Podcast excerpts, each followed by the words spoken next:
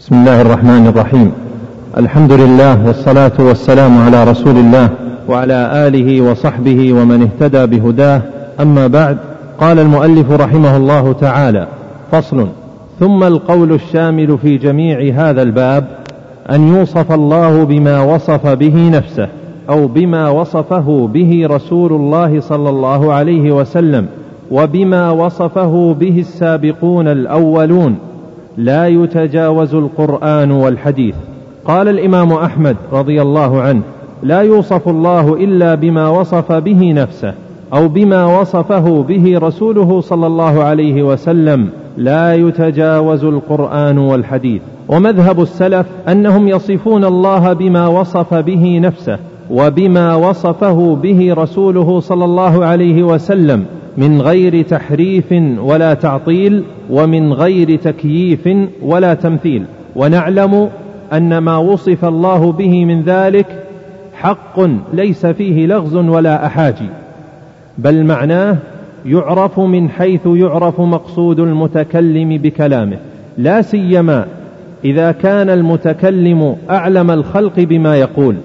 وأفصح الخلق في بيان العلم وأنصح الخلق في البيان والتعريف والدلالة والإرشاد وهو سبحانه مع ذلك ليس كمثله شيء لا في نفسه المقدسة المذكورة بأسمائه وصفاته ولا في أفعاله فكما يتيقن أن الله سبحانه له ذات حقيقة وله أفعال حقيقة فكذلك له صفات حقيقة.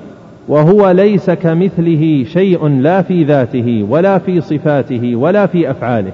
وكل ما أوجب نقصا أو حدوثا فإن الله منزه عنه حقيقة فإنه سبحانه مستحق للكمال الذي لا غاية فوقه ويمتنع عليه الحدوث لامتناع لامتناع العدم عليه.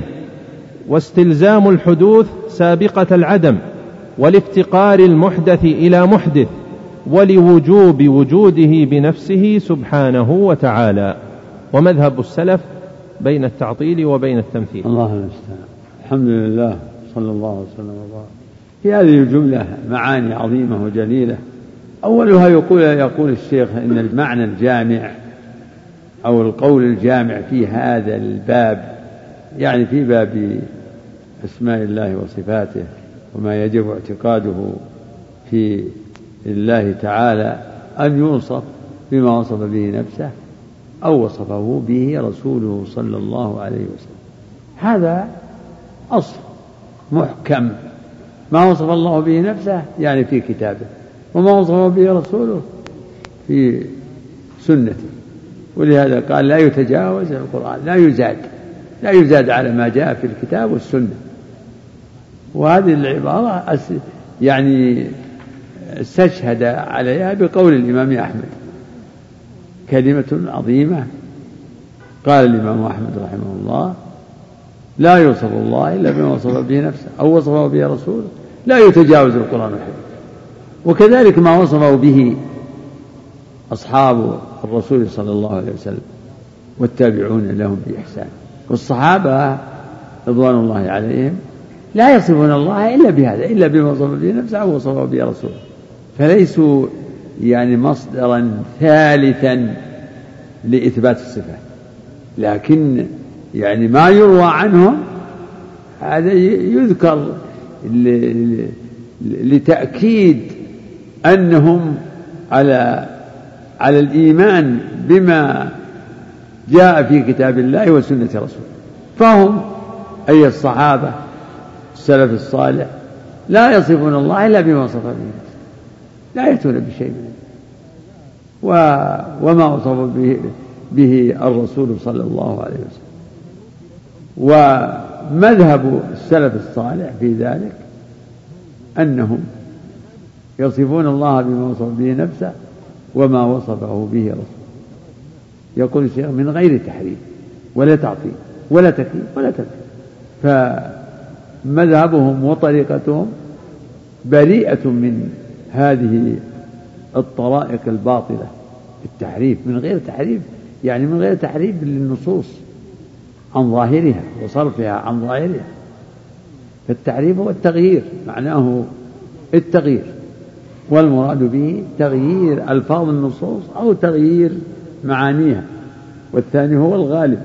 وقد ذم الله اليهود بتحريف الكلم عن مواضعه ولا تعطيل فلا ينفون عن الله شيئا مما وصف به نفسه. لا يعطلون الرب عن صفات كماله. ولا ولا تكييف ولا تمثيل فلا يكيفون الصفات. يقولون إنه ينزل كذا أو أنه مستو على العرش على هيئة كذا أو إنه يتكلم بك على صفة كذا لا لا يكيفون. ولا يمثلون الصفات بصفات خلقه. ودليل هذا المذهب أن الله تعالى أمر عباده بالإيمان به وبرسوله وكتابه. فآمنوا بالله ورسوله والنور الذي أنزل. يا أيها الذين آمنوا آمنوا بالله ورسوله والكتاب الذي نزل على رسوله والكتاب الذي أنزل من قبل. ومما تضمنه الكتاب وتضمنه السنة ما أخبر الله به عن نفسه وما أخبر به عنه رسوله من الأسماء والصفات والأفعال. فالتعطيل نفي وجحد لما أخبر الله به ورسوله. وصرف كلام الله وكلام رسوله عن وجهه تحريف للكلم عن مواضع. والتكييف قول على الله بغير علم والله تعالى قد حرم القول عليه بغير علم. والتمثيل قد نفاه الله في آيات. نفى أن يكون له مثل من خلقه. ليس كمثله شيء وهو السميع البصير. ولم يكن له كفوا أحد. هل تعلم له سميا؟ فلا تجعلوا لله أندادا. فنفى عن نفسه الند والكفء والمثل والسمي وهي معاني متقاربة. فلا مثل له ولا كفء ولا ند. والتمثيل منتف عن الله فلا يماثله شيء من خلقه ليس كمثله شيء. ولم يكن له كفوا أحد. يعني لم يكن أحد كفءا له أي مثلا له. وهو تعالى لا يماثل أحدا من خلقه. فالتمثيل نوعان تمثيل الخالق بالمخلوق وتمثيل المخلوق بالخالق وكلاهما باطل فالله تعالى لا شيء مثله وهو تعالى لا يشبه أحدا من خلقه. وهذا الحكم عام لذاته وصفاته فليس كمثله شيء. لا في ذاته فذاته لا تماثلها الذوات ولا تماثل ذاته ذوات المخلوقين. ليس كمثله شيء لا في ذاته ولا في صفاته ولا في أفعاله. فالقول في في الصفات كالقول في الذات. فكما أن ذاته وكما أن له ذات حقيقة فله صفات حقيقة وأفعال حقيقة. وكما أن ذاته لا تشبه الذوات فصفاته لا تشبه صفات المخلوقين. ليس كمثله شيء لا في ذاته ولا في صفاته ولا في أفعاله. وضابط التمثيل بنوعيه الذي يجب نفيه هو ما يتضمن مشاركة المخلوق للخالق في خصائصه. ومش أو مشاركة المخلوق مشاركة المخلوق للخالق في خصائصه أو مشاركة الخالق للمخلوق في خصائصه.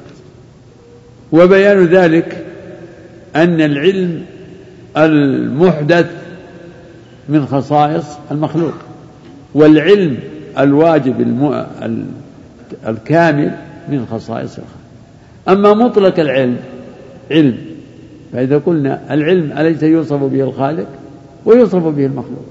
هذا مطلق العلم لكن ما يوصف به الخالق مختص به لا يشرك فيه. وما يوصف به المخلوق مختص به لا يشرك فيه الخالق. هذا المعنى في كل المعاني التي جاءت مضافة إلى الخالق ومضافة للمخلوق الوجود مطلق الوجود قدر مشترك بين كل الموجودات بين الخالق والمخلوق. مطلق الوجود. لكن للخالق وجوده المخت... الذي يختص به وهو الوجود الواجب.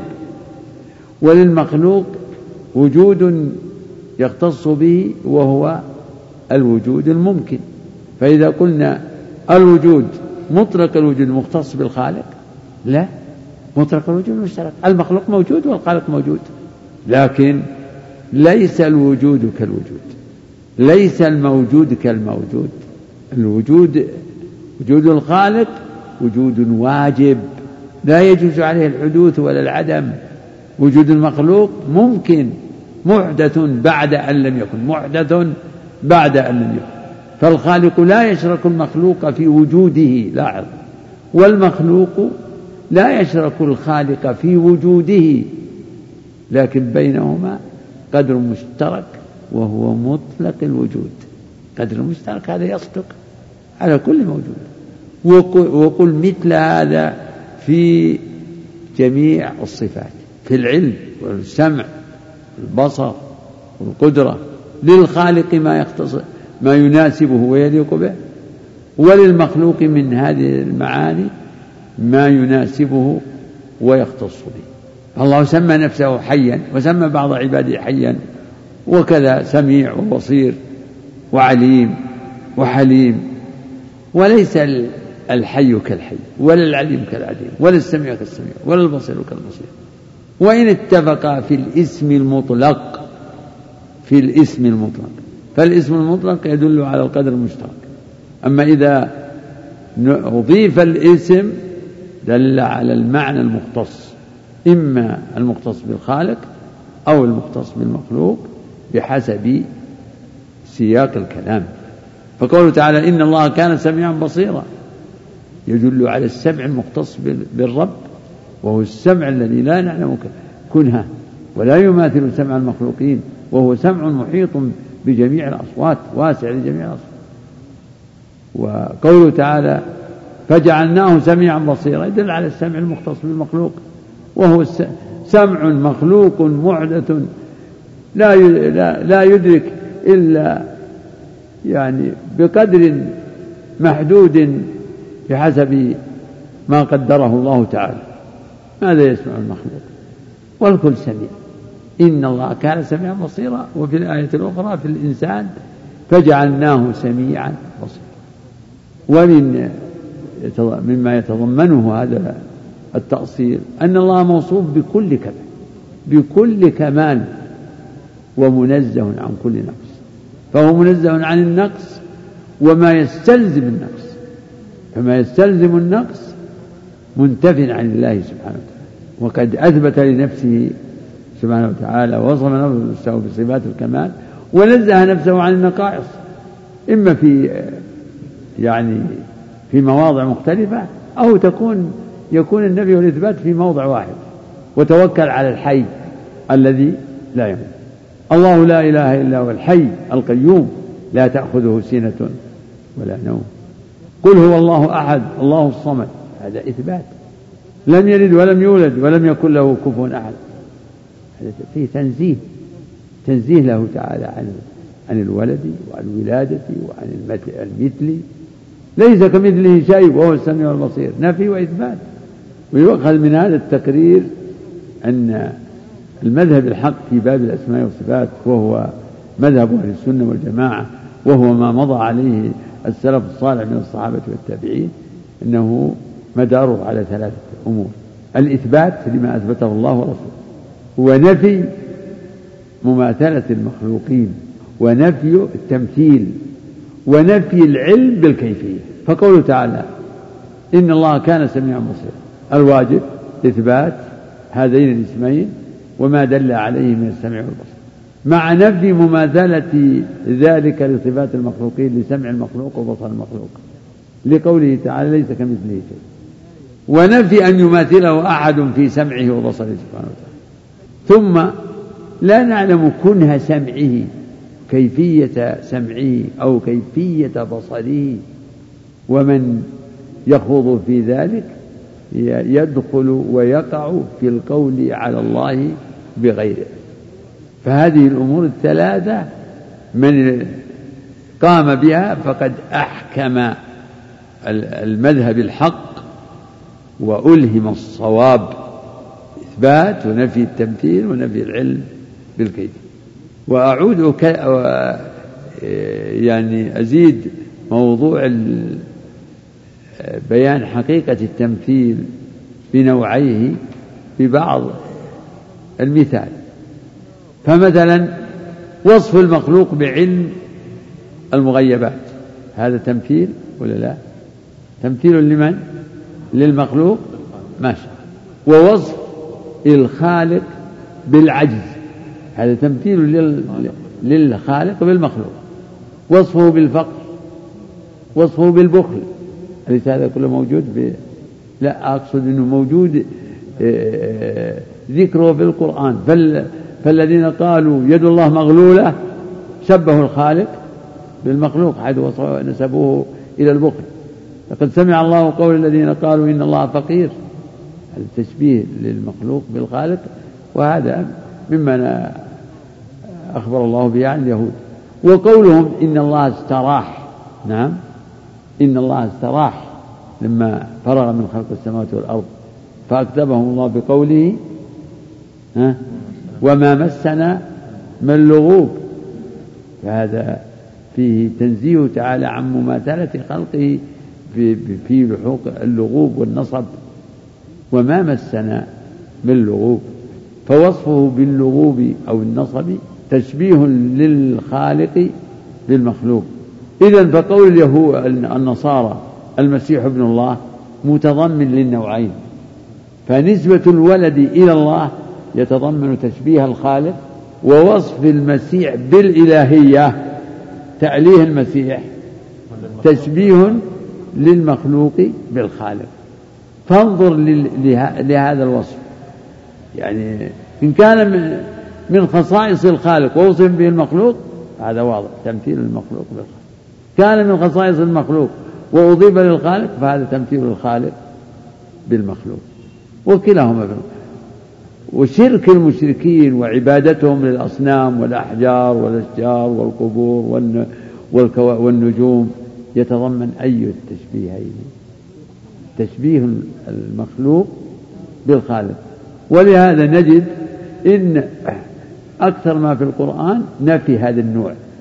ليس كمثله شيء. يعني ليس شيء مثله سبحانه وتعالى. هذا فيه الرد على المشركين الذين ألهوا المخلوق وجعلوه معبودا من دون الله ولم يكن له كفوا أحد. هل تعلم؟ فاعبده واصطبر لعبادته. هل تعلم له سميا يعني شبيها أو نظيرا سبحانه وتعالى. اقرأ إيه أعد. قال رحمه الله فصل ثم القول الشامل في جميع هذا الباب أن يوصف الله بما وصف به نفسه. نعم. أو بما وصفه به رسول الله صلى الله عليه وسلم وبما وصفه به السابقون الأولون لا يتجاوز القرآن والحديث.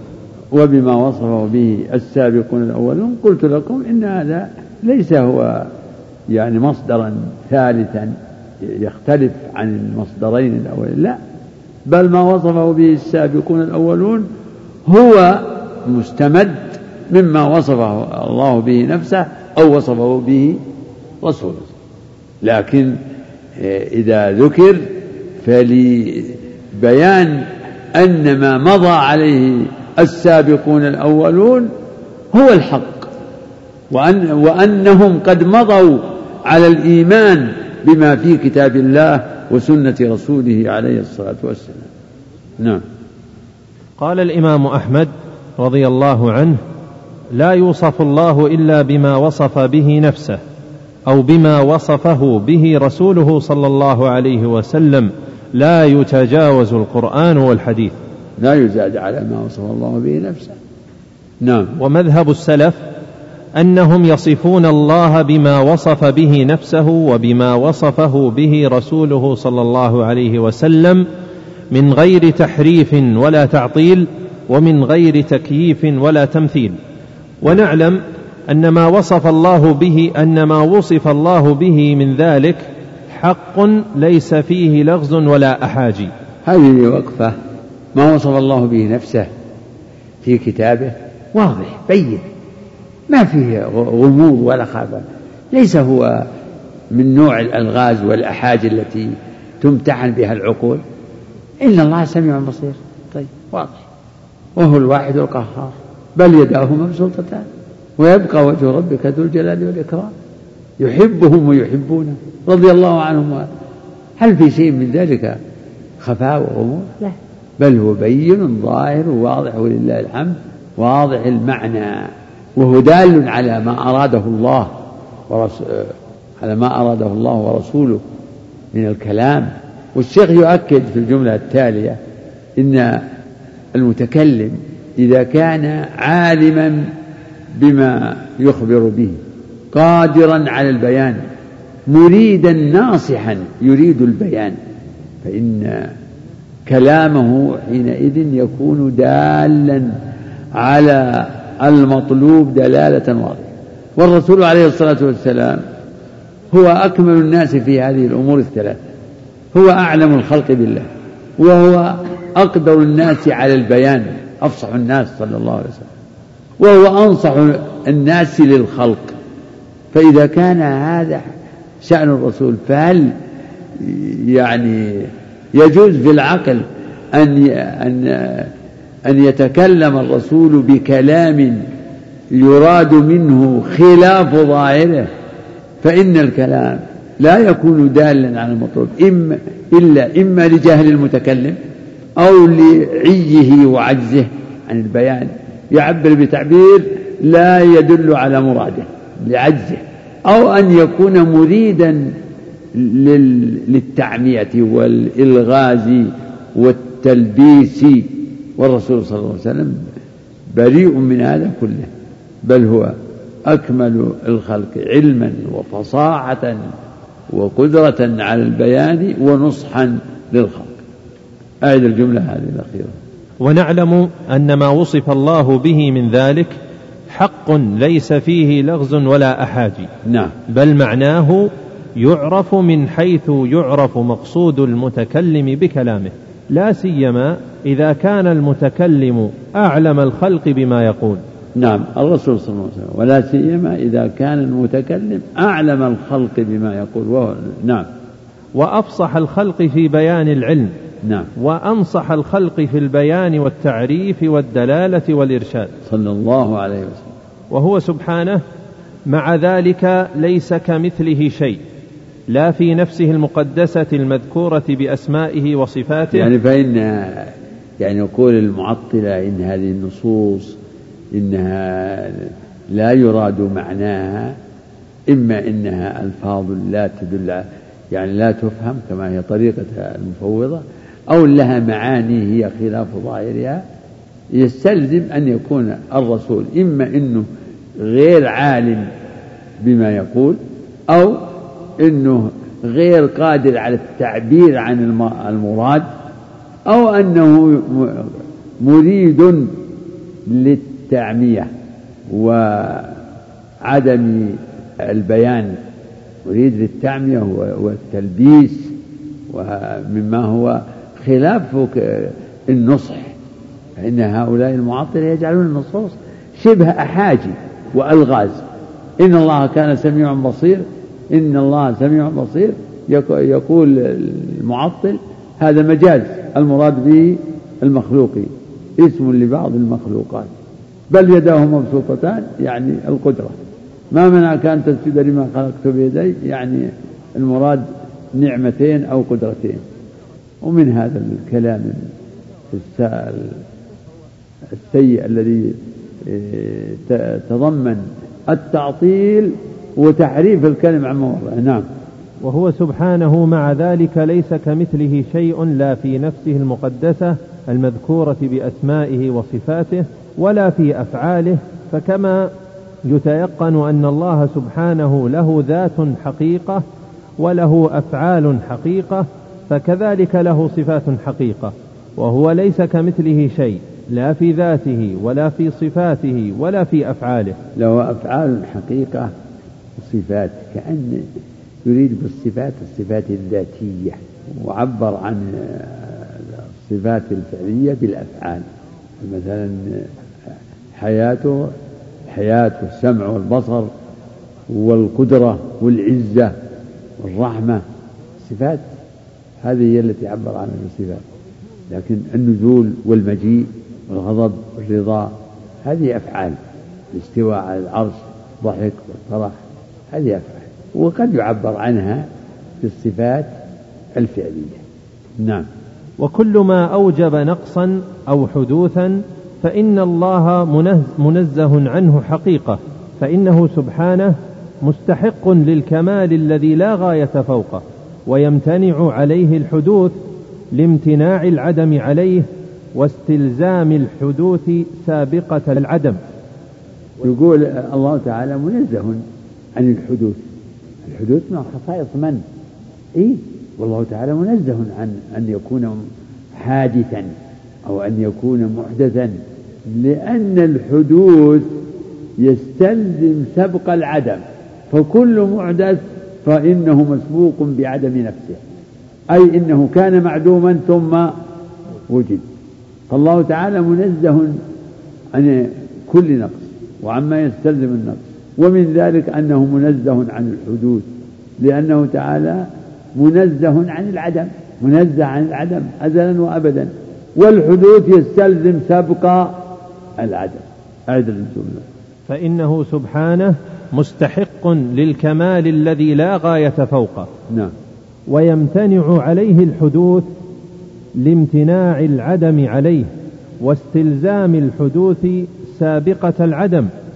ولافتقار المحدث إلى محدث ولوجوب و... وجوده بنفسه نعم.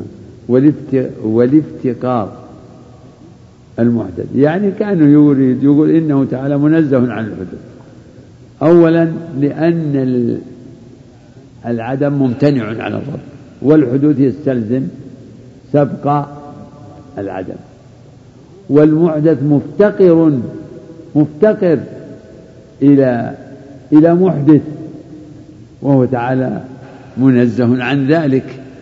فالحدوث يستلزم سبق العدم ويستلزم الافتقار إن هذا المحدث مفتقر ولأن الحدوث ينافي وجوبه فهو واجب الوجود وواجب الوجود يمتنع عليه الحدوث والعدم. واجب الوجود يعني لا يتصور عدمه.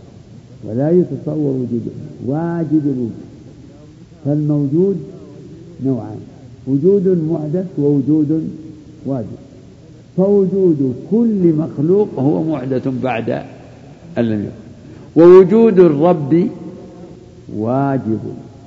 والواجب ما يمتنع عليه الحدوث والعدم. لا يجوز أن أن يوصف بالعدم فهو موجود. أزلا وأبدا. فوجوب الوجود يستلزم القدم والبقاء.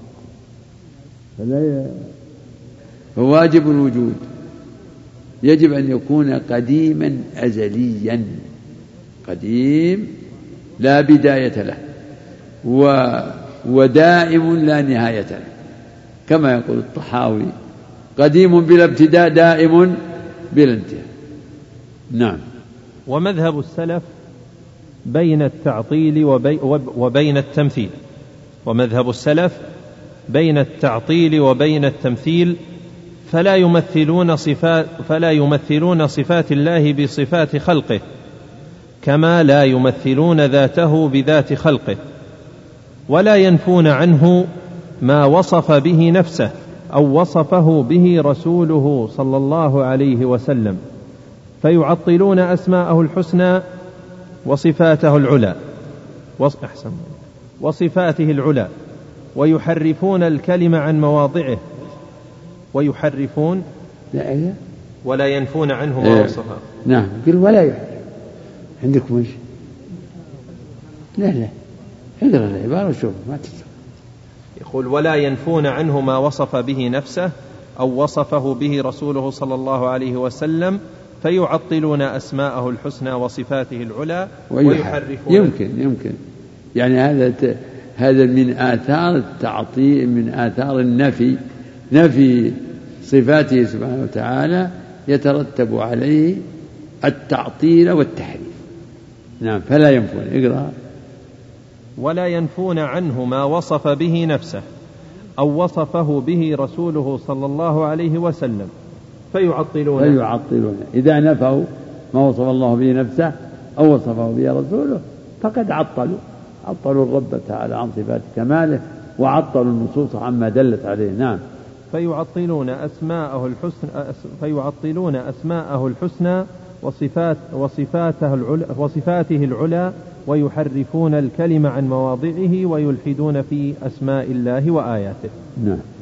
وكل واحد من فريقي التعطيل والتمثيل فهو جامع بين التعطيل والتمثيل. أما المعطلون فإنهم لم يفهموا من أسماء الله وصفاته إلا ما, إلا ما هو اللائق بالمخلوق. ثم شرعوا في نفي تلك المفهومات. فقد جمعوا بين التمثيل والتعطيل. مثلوا أولا وعطلوا آخرا. وهذا تشبيه وتمثيل منهم للمفهوم من أسمائه وصفاته بالمفهوم من أسماء خلقه وصفاتهم. إيش هذا؟ وهذا تشبيه وتمثيل منهم للمفهوم من أسمائه وصفاته بالمفهوم من أسماء خلقه وصفاتهم. وتعطيل لما يستحقه هو سبحانه من الأسماء والصفات اللائقة بالله سبحانه وتعالى.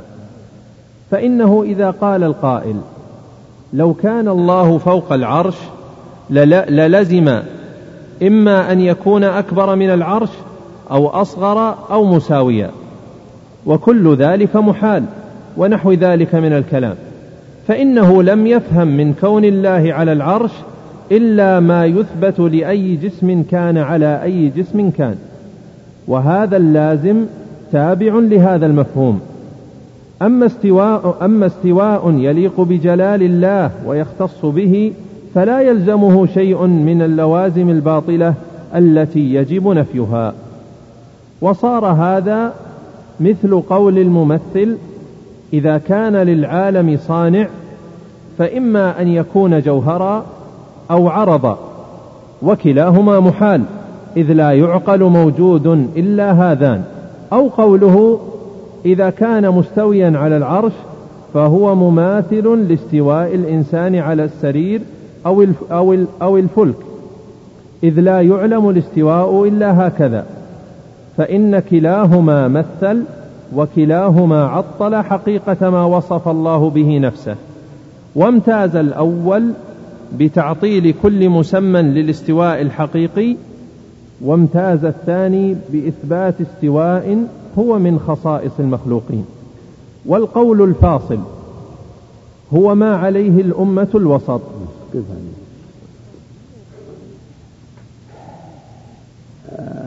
هذا فيه في هذه الجملة بيان يعني يعني تقدم أن مذهب السلف السابقين الأولين ومن تبعهم من الصحابة ومن جاء بعدهم أنهم يثبتون لله الصفات وينفون عنه مماثلة المخلوقات ولا يحرفون الكلم ولا يعطلون ولا يمثلون ولا يلحدون في أسماء الله وآياته ولا يكيفون صفاته سبحانه وتعالى بل يؤمنون بما أخبر الله به ويثبتون ما يثبتون وينفون ما ينفون عن الله من النقائص إثباتا بلا تشبيه وتنزيها بلا تعطيل فمذهبهم بريء من التشبيه ومن التعطيل. وخالف أهل السنة فريقان المعطلة والممثلة أو أهل التعطيل وأهل التنزيه. وهؤلاء كل منهما قد جمعوا بين التعطيل والتمثيل فالمعطلة نفاة كالجهمية نفاة الأسماء والصفات. قد جمعوا بين التمثيل والتعطيل. وكيف ذلك؟ بينه الشيخ بأنهم أولا لم يفهموا من من نصوص الأسماء والصفات في القرآن والحديث لم يفهموا منها إلا ما يماثل صفات المخلوق. فنفوها عن الله. فلزم من ذلك تعطيل الرب عن صفات الكمال التي يستحقها وتعطيل النصوص عما دلت عليه من الحق فأخذوا النصوص وجعلوا النصوص دالة على الباطل على التمثيل على التشبيه. يقول إن نصوص الأسماء والصفات في القرآن وفي الحديث ظاهرها الكفر ظاهرها كفر وما هو؟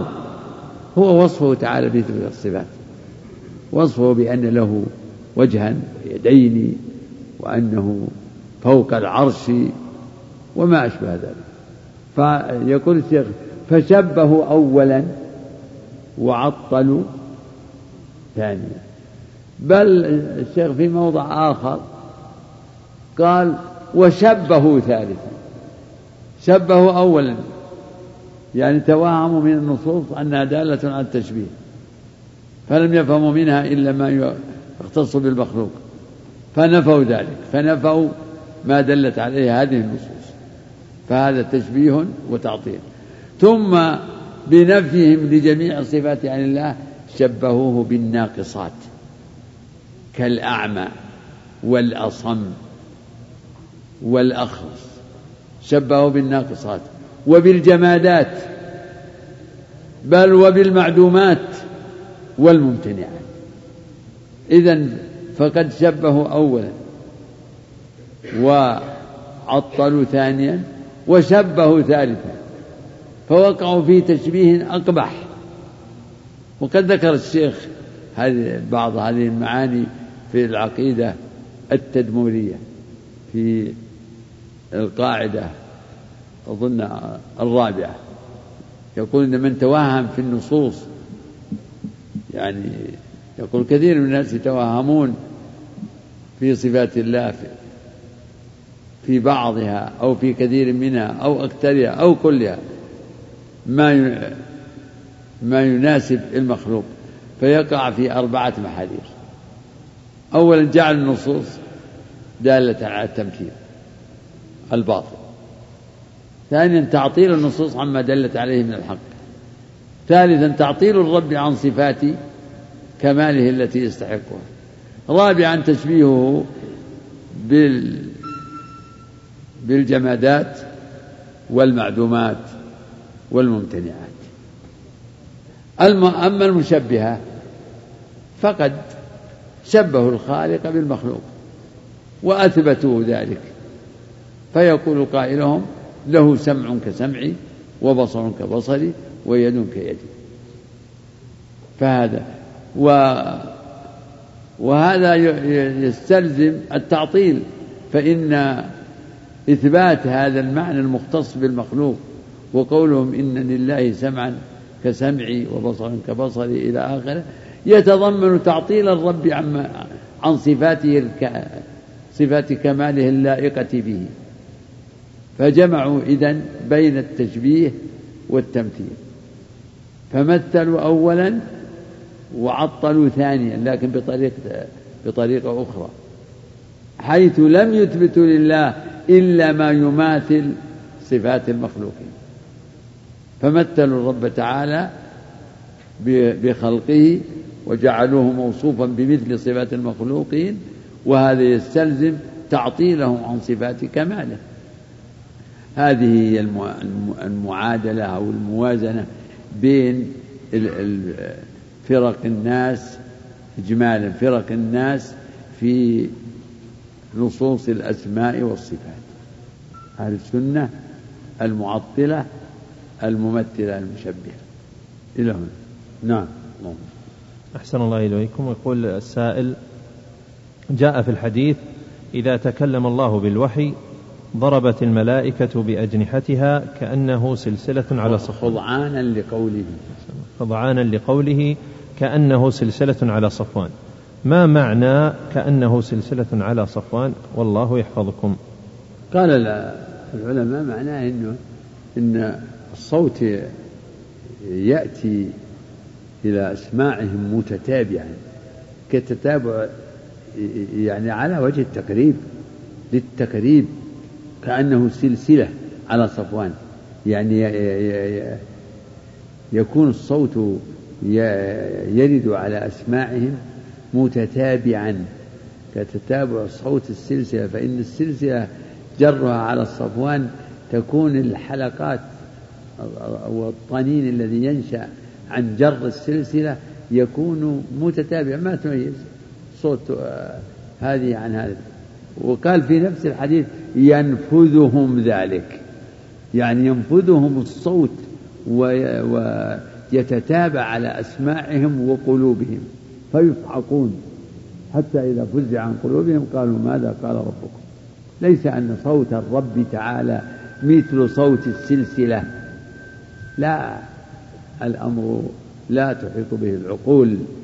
لكن هذا مثل الحديث حديث آخر مشهور يقول فيه أنه تعالى يأخذ سماواته وأرضه وإن وإنه كذا ليدحوها كما يدحو الصبيان بالكرة. إيش؟ يعني أنه سبحانه وتعالى يأخذها في غاية من القدرة.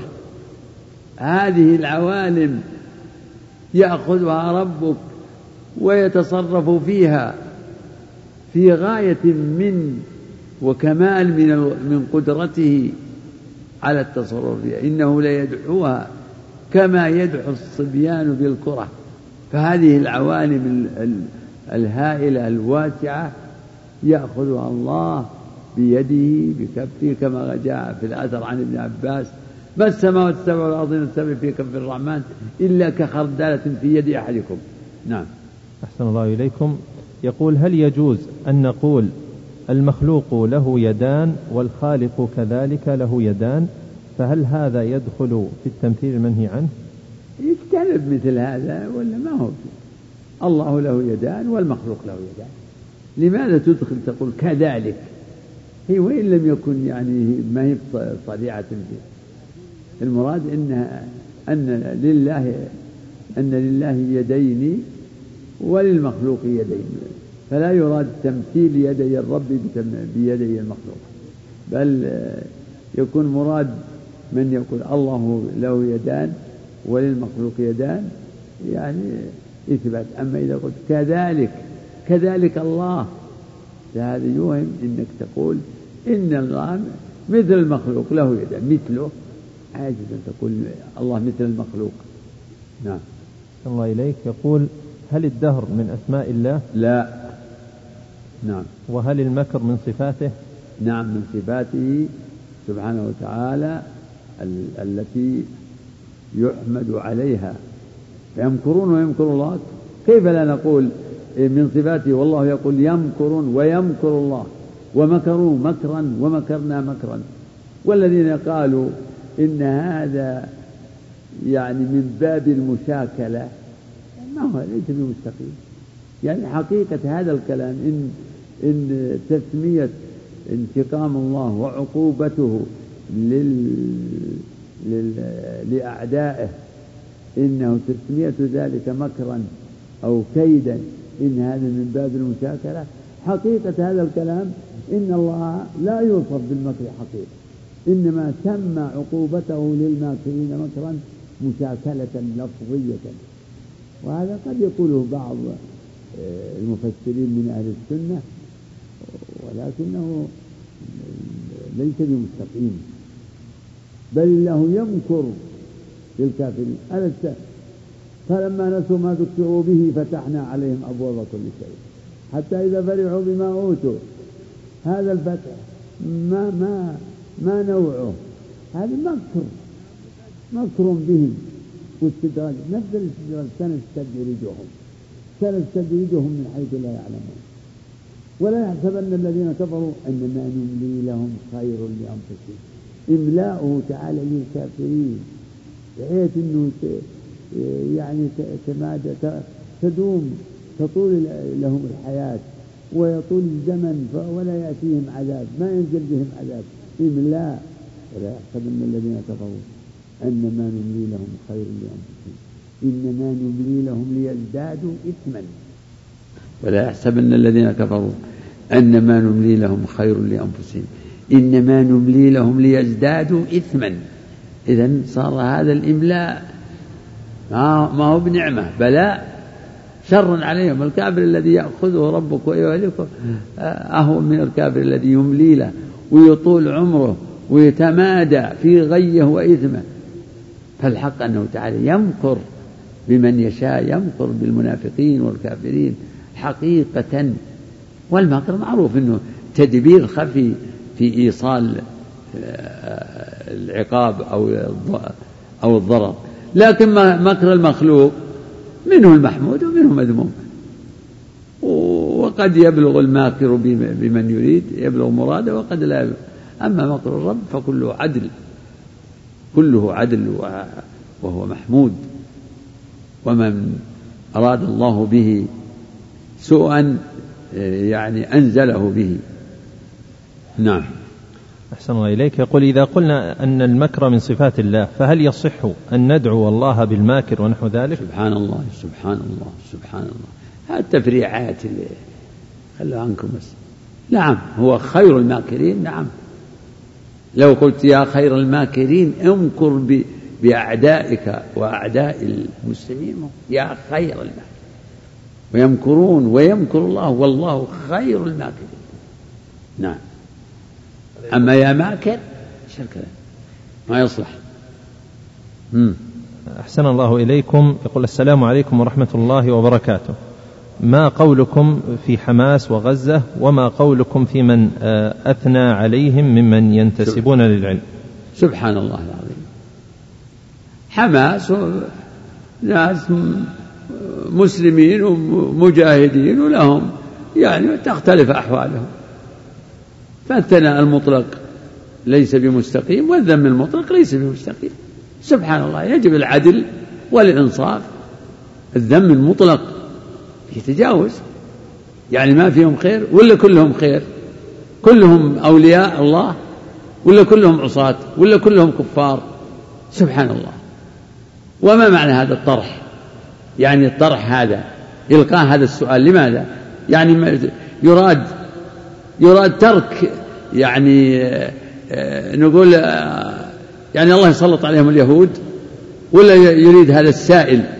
أن يقال اتركوهم بس لا تدعون لهم. هذا الذي ألقى هذا السؤال فيكم هذا فيه يعني توجهه نظر أصلحه الله. نعم. وأكثر من سؤال أحسن الله إليك تسأل عن القنوت من هذا أجبت بالفعل اتركه. لكن يسأل عن القنوت في هل هو في الصلوات الخمس؟ أو ما ما أدري.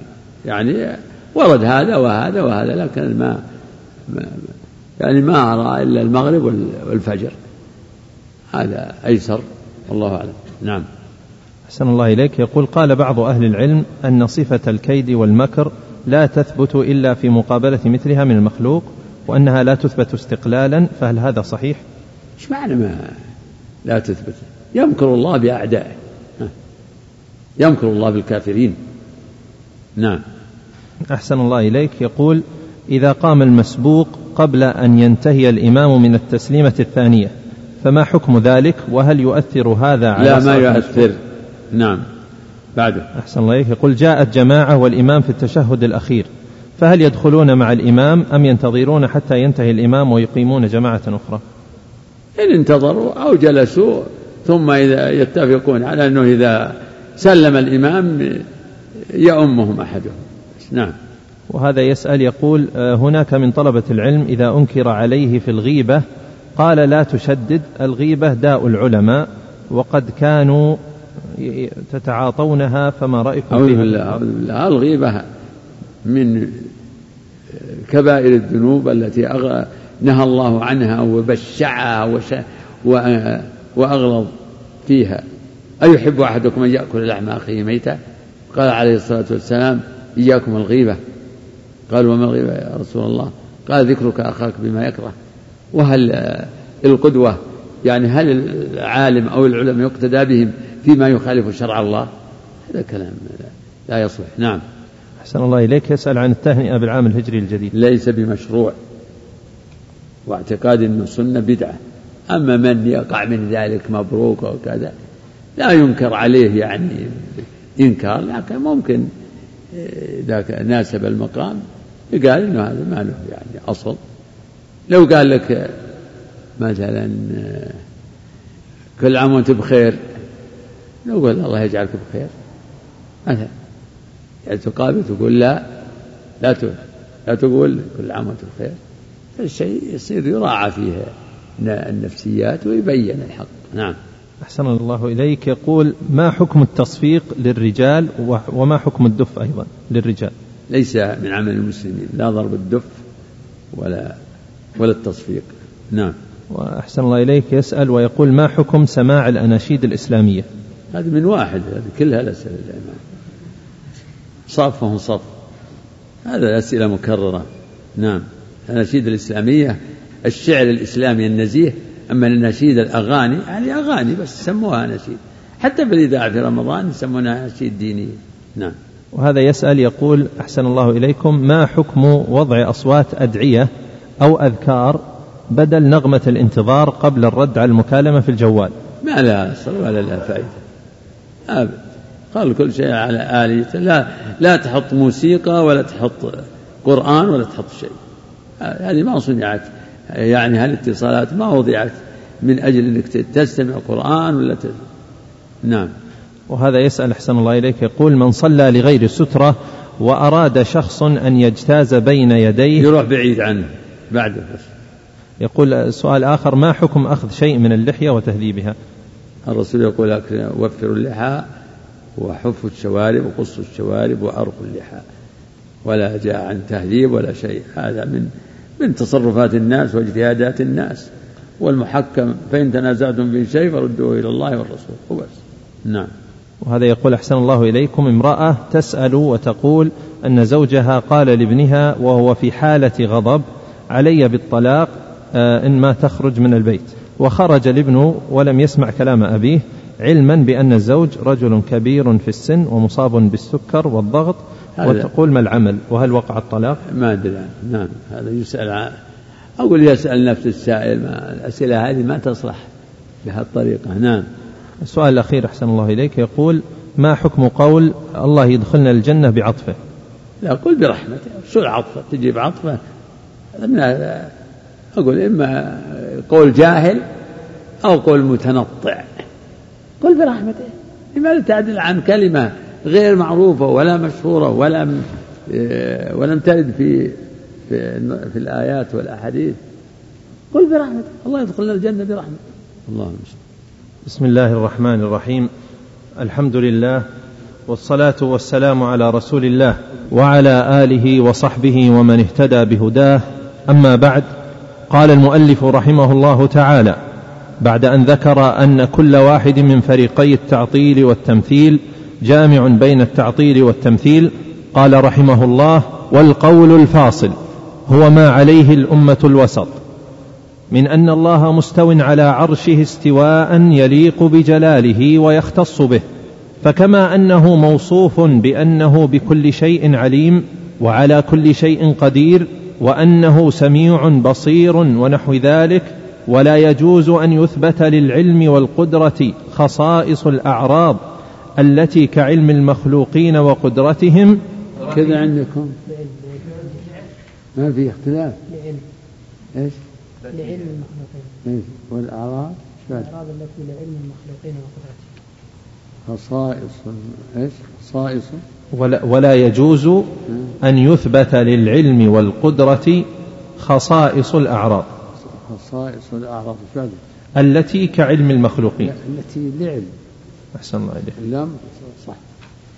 ولا يجوز أن يثبت للعلم والقدرة خصائص الأعراض التي لعلم المخلوقين وقدرتهم فكذلك هو سبحانه فوق العرش.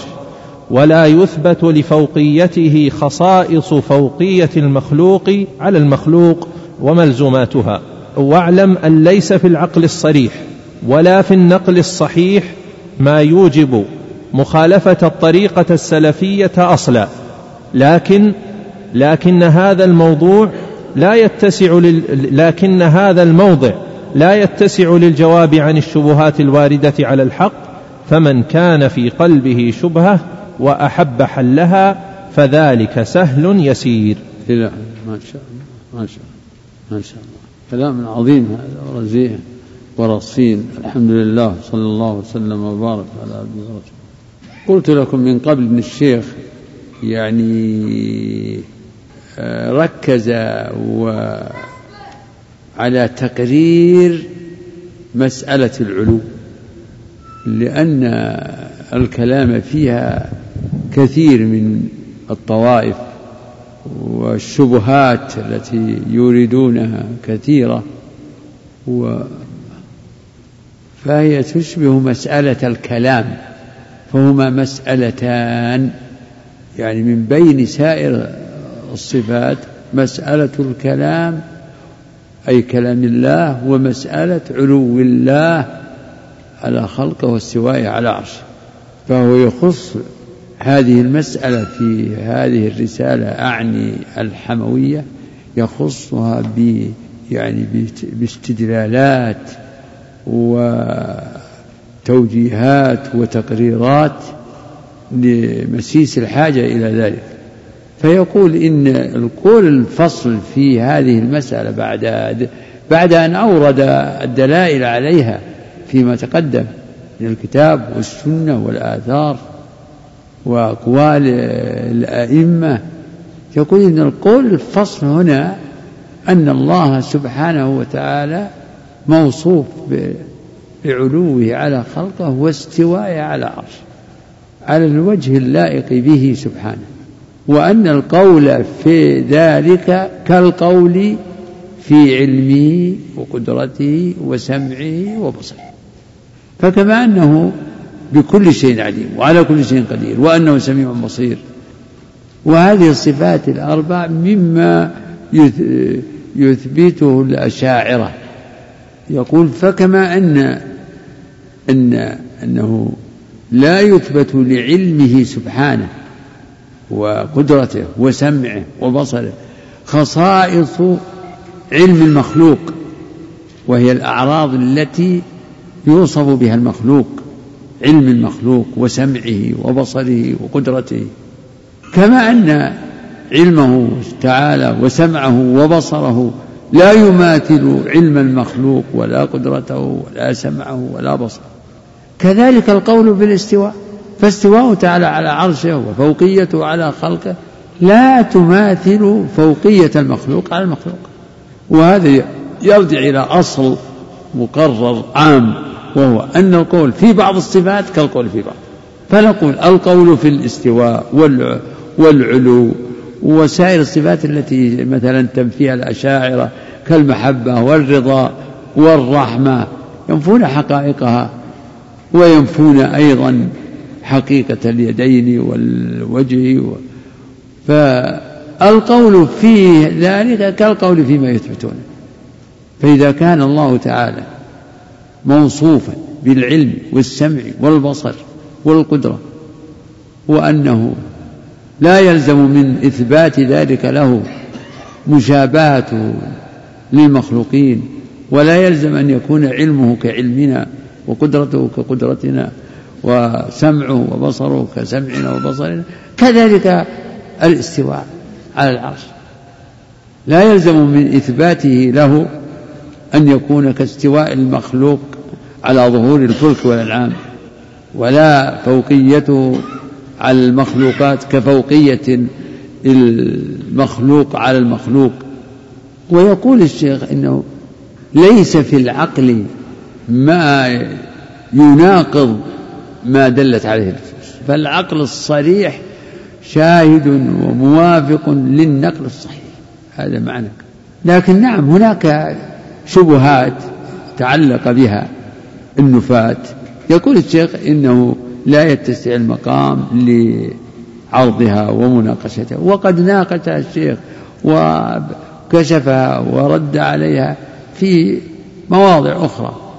منها التدمرية التدمرية عرض فيها للشبهات شبهة التشبيه والتركيب والتجسيم وشبهة المعتزلة في نفيهم للصفات.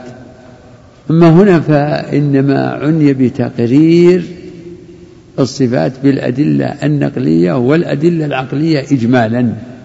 أعد النص قال رحمه الله والقول الفاصل. نعم. هو ما عليه الأمة الوسط من أن الله مستو على عرشه استواء يليق بجلاله. الأمة الوسط أهل السنة هم الأمة الوسط. نعم. من أن الله مستو على عرشه استواء يليق بجلاله ويختص به. يليق بجلاله ويختص به يعني لا كاستواء المخلوق على المخلوق. نعم. فكما أنه موصوف بأنه بكل شيء عليم وعلى كل شيء قدير وأنه سميع بصير ونحو ذلك ولا يجوز أن يثبت للعلم والقدرة خصائص الأعراض التي للعلم والقدرة أي لعلمه تعالى وقدرته. فأل بدل المضاف للعلم الذي ذكره علمه. لا يجوز أن يثبت لعلمه وقدرته خصائص الأعراض التي لعلم المخلوق إلى آخره. نعم. التي لعلم المخلوقين وقدرتهم فكذلك هو سبحانه فوق العرش ولا يثبت لفوقيته خصائص فوقية المخلوق على المخلوق وملزوماتها. وملزوماتها يعني يعني كأنه يقول القول يجب أن يكون القول في فوقيته تعالى واستوائه على عرشه كالقول في علمه وسمعه وبصره وقدرته. القول فيها واحد فإما إثبات الجميع أو نفي الجميع. وأما التفريق فهو تناقض وتفريق بين المتماثلات. نعم. واعلم أن ليس في العقل الصريح ولا في النقل الصحيح ما يوجب مخالفة الطريقة السلفية أصلا لكن هذا الموضع لا يتسع للجواب عن الشبهات الواردة على الحق. فمن كان في قلبه شبهة وأحب حلها فذلك سهل يسير. أي والله سهل يسير وقد فعل رحمه الله في مواضع كثيرة ناقش فيها الشبهات آه، المعطلة يعني فالنفي نفي الصفات ليس له مستند لا من عقل ولا شر لكن هناك شبهات يسمونها عقليات وهي جهليات أما العقل السليم الصريح فإنه موافق للنقل الصحيح وليس في النقل ما يناقض ما دلت عليه النصوص ولا ولا يخالف ما عليه وما درج عليه السلف الصالح من الصحابة والتابعين ومن جاء بعدهم. ومن كان يقول من كانت لديه شبهة يريد حلها فإن الأمر يسير. إي ولله الحمد.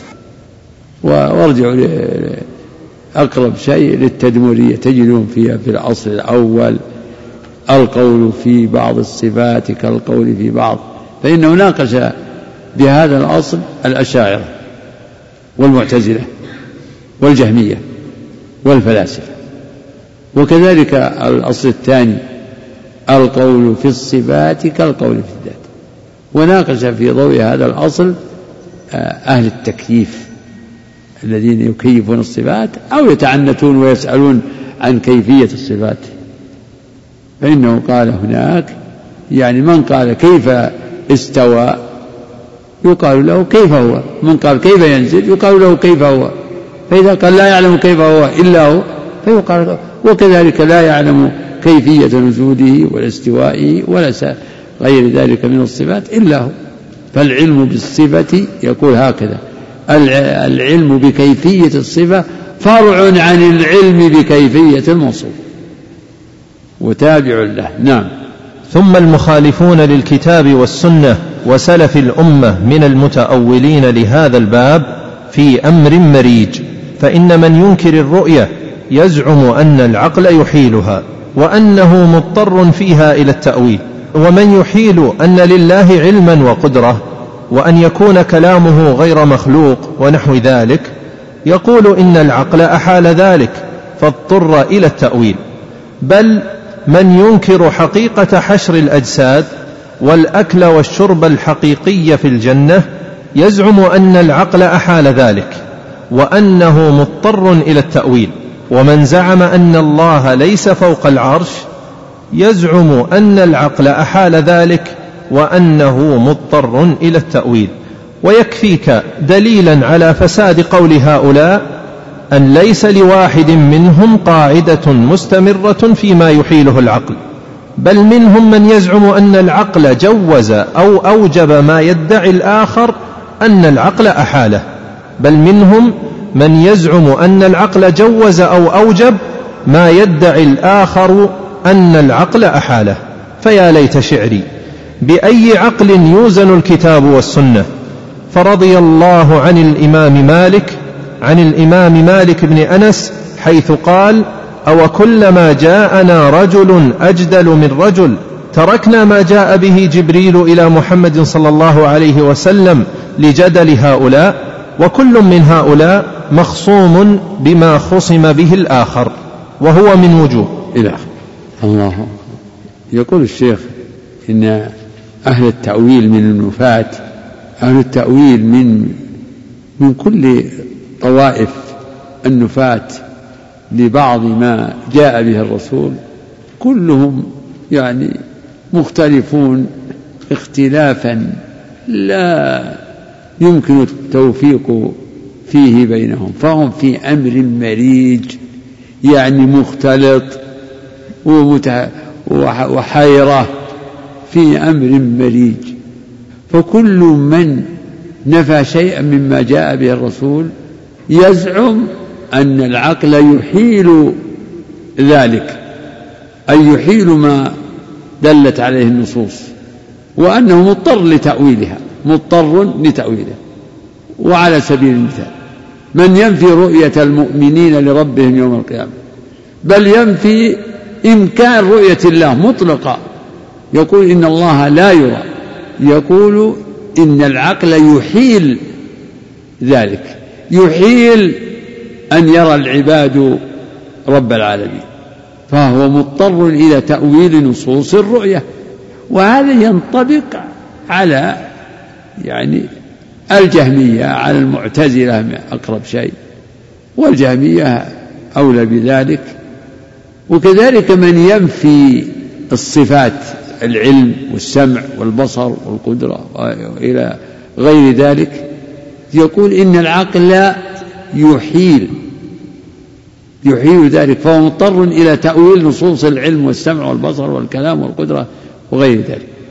وهذا كذلك ينطبق على المعتزلة لأنهم هم وإن أثبتوا الأسماء فإنهم ينفون الصفات. يقول وكذلك من ينفي فوقيته تعالى واستواءه على العرش يقول إن العقل يحيل أن يكون الله فوق وأن يكون فوق العرش وأنه مضطر للتأويل ثم يقول وكذلك من ينفي حشر الأجساد يعني حشر أجساد الناس الذين ماتوا ينفي حشر الأجساد وبعث الناس من القبور وينفي أن يكون هناك جنة فيها أكل وشرب حقيقيان وفيها الأزواج وفيها الأشجار والقصور. بل كل ذلك تخييل وهذا طريق الفلاسفة الملاحدة بما فيهم الفلاسفة الإسلاميون. كابن سينا هذا هذا هذا هو مذهب ابن سينا وابن والفارابي من فلاسفة الإسلام كما يسمونهم ينكرون. يقول إن هؤلاء أيضا هم أنفسهم يدعون دعوى نفاة الرؤية ونفاة الصفات ونفاة الفوقية. يقولون إن العقل يحيل بعث الأجساد. يحيل أن يكون هناك بعث ونشور وجنة ونار فيها سلاسل وأغلال. فيقول فنحن مضطرون إلى التأويل. هذا تصوير قوله إن التأويل في أمر مريج. ثم يقول الشيخ إن كل من هؤلاء مخصوم ومحجوج بما يحتج به على الآخر. وهذا منهج للشيخ وهو ضرب هذه الفرق ضرب بعضها ببعض. فعل هذا في التدمرية فيبدأ يقول يقال للأشاعرة في نفيهم لكثير من الصفات وإثباتهم لبعضها ما تردون به على المعتزلة فيما فيما أثبتموه ونفوه هو حجتنا عليكم فيما نفيتم ما تحتجون به على المعتزلة في في في الصفات السبع فإن المعتزلة ينفونها والأشاعرة يثبتونها نرد بها عليكم فيما نفيتم. وهذا منهج عظيم في في الجدل والحجاج. ثم أنتم يا المعتزلة ما تردون به على الجهمية؟ في نفيهم للأسماء هو حجتنا عليكم في نفيكم للصفات يعني ناخذ حجتهم وكلامهم وردهم على الجميع فنتخذه حجة لنا على ما خالفونا فيه فيما نفوه من الصفات. وكلهم الأشاعرة والمعتزلة والجامية كلهم يثبتون المعاد يثبتون البعث والنشور. فالشيخ يقول لهم ما ترد تردون به أيها المتكلمون على الفلاسفة في نصوص المعاد وتأويلهم لها وصرفها عن ظاهرها ما تردون به عليهم نرد به عليكم جميعا. فإذا قلتم إن هذا أمر قد يعني أمر آه، يعني معلوم بالضرورة إن الرسل جاءوا به وإن الرسول صلى الله عليه وسلم آه، لا يريد بهذه الأخبار التي في القرآن وفي السنة لا يريد بها خلاف ظاهرها. وإن هذا أمر معلوم بالضرورة. نقول لكم وكذلك نصوص الصفات. معلوم بالضرورة من آه، من آه، مما عرف من حال الصحابة وأقوالهم والتابعين لهم معلوم بالضرورة أن الرسول صلى الله عليه وسلم لم يرد بهذه النصوص خلاف ظاهر. وهذا منهج جميل وبديع في الجدل في مجادلة أهل الباطل والشيخ يسلكه كثيرا. تجدون إذا قرأتم. حتى إنه في كلامه على الرافضة وفي كلامه يقول ما يرد به النصارى على اليهود في نبوة وفي شأن المسيح وتبرئته. نعم وتبرئة أمه يرد به المسلمون على النصارى في تكذيبهم برسالة محمد صلى الله عليه وسلم. فكما أن جحد اليهود لنبوة المسيح ظاهر الفساد والبطلان فكذلك من باب أولى أن يكون جحد النصارى لنبوة محمد صلى الله عليه وسلم. تجدون هذا هذا المنهج للشيخ في في مواضع طيبة والآن نسمع شيئا من من تطبيق هذه الطريقة. نعم. قال رحمه الله وكل من هؤلاء مخصوم بما خصم به الآخر. لا بما خصم. كل من هؤلاء مخصوم بما خصم به الآخر هو. وكل من هؤلاء مخصوم بما خصم به الآخر نعم. وهو من وجوه. نعم.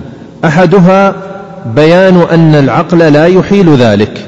الثاني أن النصوص الواردة لا تحتمل التأويل.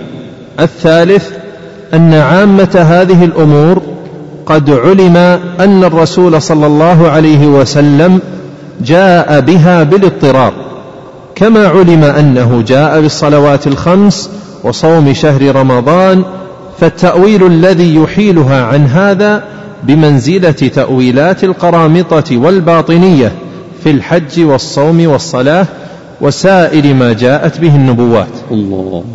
يقول فكل من هؤلاء الطوائف مخصوم أي محجوج بما خصم به مخالفه الآخر. بما خصم به الآخر. يقول وبيان هذا من هذه الوجوه. الأول بيان أن العقل لا يحيل ما زعم المخالف أن العقل يحيله. يبين أن العقل لا يحيل. لا يحيل ما زعموا أن العقل يحيله. يعني يبدأ برد هذه الشبهة وبيان فسادها وأن ما نفوه وزعموا أن العقل يحيله يقول لا إن العقل لا يحيل. نعم الثاني الثاني أن النصوص الواردة لا تحتمل التأويل. نعم. أن النصوص الواردة لا تحتمل التأويل. واضحة. ليس فيها احتمالات. صريحة. التأويل يرد على النصوص المحتملة. فاللفظ إما أن يكون نصا في معناه أو ظاهرا في معناه فالنص لا يحتمل غير معناه الظاهر. والظاهر وإن احتمل فالواجب إجراءه على ظاهره. ولا يجوز حمله على على الاحتمال المرجوع إلا بدليل يجب المصير إليه. ونصوص الصفات دائرة كما تقدم دائرة. إما أن تكون نصا لا يحتمل وإما أن تكون ظاهرا لا يجوز صرفها عن ظاهرها إلا بحجة صحيحة. وقوله هنا على على الإجمال على جملتها هذه النصوص يعني عامتها لا يحتمل التأويل. نعم الثاني أعد. الثاني أن النصوص الواردة لا تحتمل التأويل. نعم. الثالث أن عامة هذه الأمور.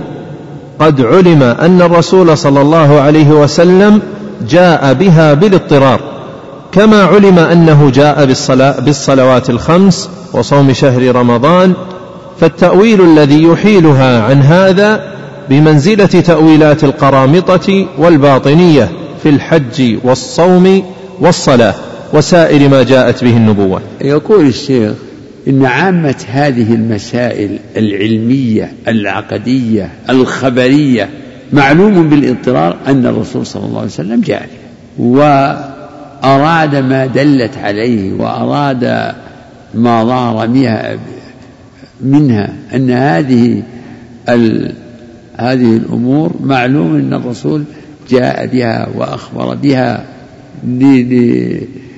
يعني للإيمان بها وأراد حقائقها. فمن زعم في نصوص الأسماء والصفات أو نصوص المعاد نصوص الصفات أو نصوص المعاد كالفلاسفة.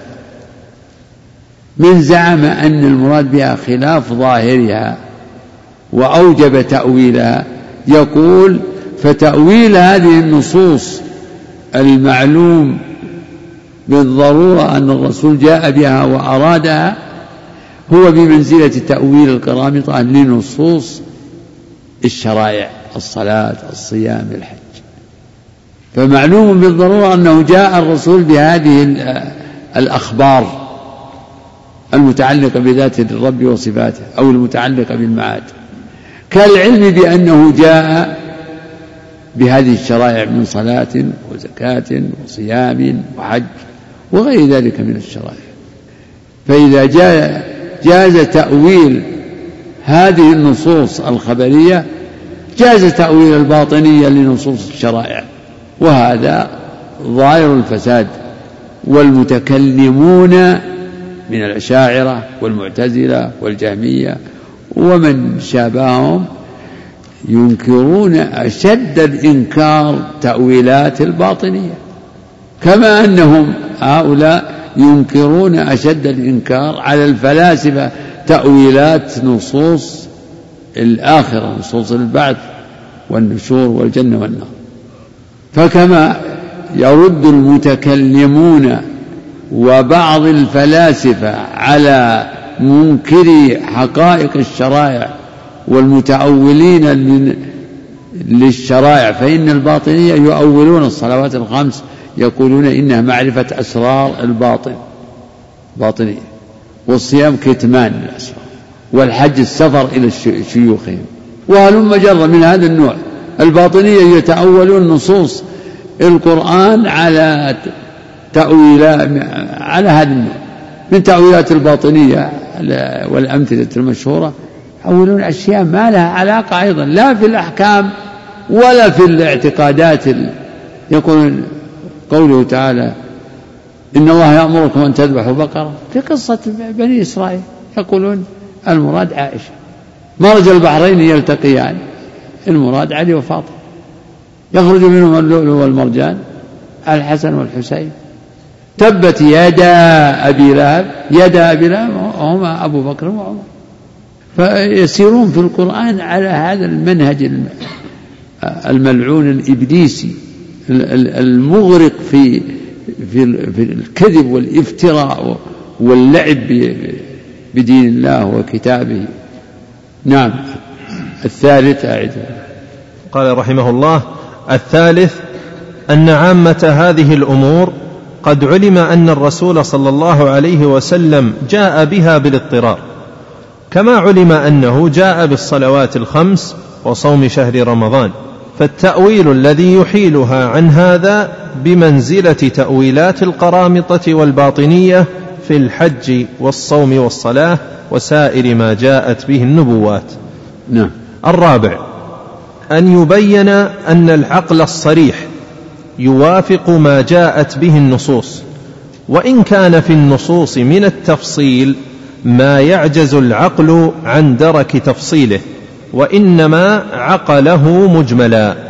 إلى غير ذلك من الوجوه على أن الأساطين من هؤلاء والفحول معترفون بأن العقل لا سبيل له إلى اليقين في عامة المطالب الإلهية وإذا كان هكذا فالواجب تلقي علم ذلك من النبوات على ما هو عليه.